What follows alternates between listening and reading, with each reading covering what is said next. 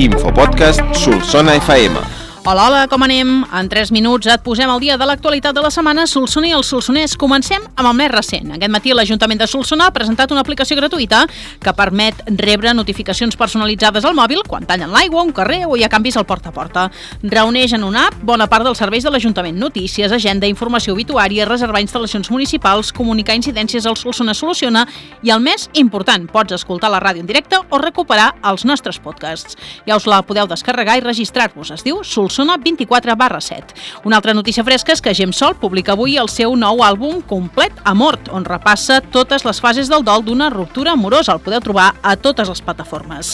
Un cop tancat el Carnaval, toca fer-ne un primer balanç. La Junta té bon gust de boca i es mostra orgullosa d'haver pogut sortejar les inclemències meteorològiques de dissabte a la tarda i acabar fent tot el programa ni que fos amb retard.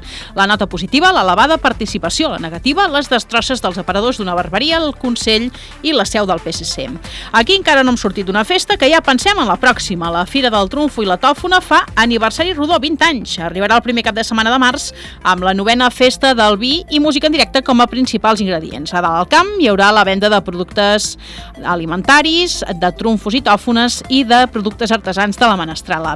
També pinta molt interessant una exposició dels amics del tractor d'època al pati de Reals Primària que ensenyarà com han evolucionat les eines del cultiu del trumfo els últims 60 anys. El reconeixement a l'establiment trumfaire serà pel RAL i el Premi Bufet es revelarà el mateix diumenge de la Fira, el 3 de març. Per cert, els infants i joves de 6 a 16 anys que es vulguin eh, inscriure a la Fira del Petit Botiguer a la plaça Major el dissabte a la tarda s'han d'apuntar abans de final de mes al Consell. Com cada setmana, no podem deixar part la pàgina de successos, aquesta vegada per explicar-vos que la policia local ha enxampat el presumpte lladre de reixes d'embornals que feia setmanes que operava la ciutat. És un veí de Solsona de 52 anys que està sent investigat pels delictes de furt i contra la seguretat viària.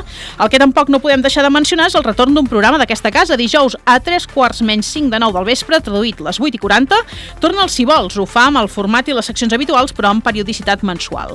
L'entrevista serà al centre de l'espai. En aquest primer programa amb Jaume Sobirà. L'acompanyaran les seccions històriques, curiositats, llicència per preguntar, el repàs de l'actualitat i la punxa, la novetat, que es podrà escoltar tant per la ràdio com veure pel YouTube.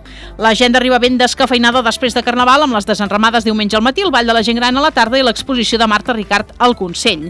Informació de servei. La farmàcia de guàrdia d'aquest cap de setmana és la Cacers, la del Pont. El temps del cap de setmana tindrà dues parts. Avui cel ennubulat i possibilitat d'algun plogim a la tarda i demà i diumenge predomini del sol i temperatures suaus al centre del dia. Ho deixem aquí. Fins divendres.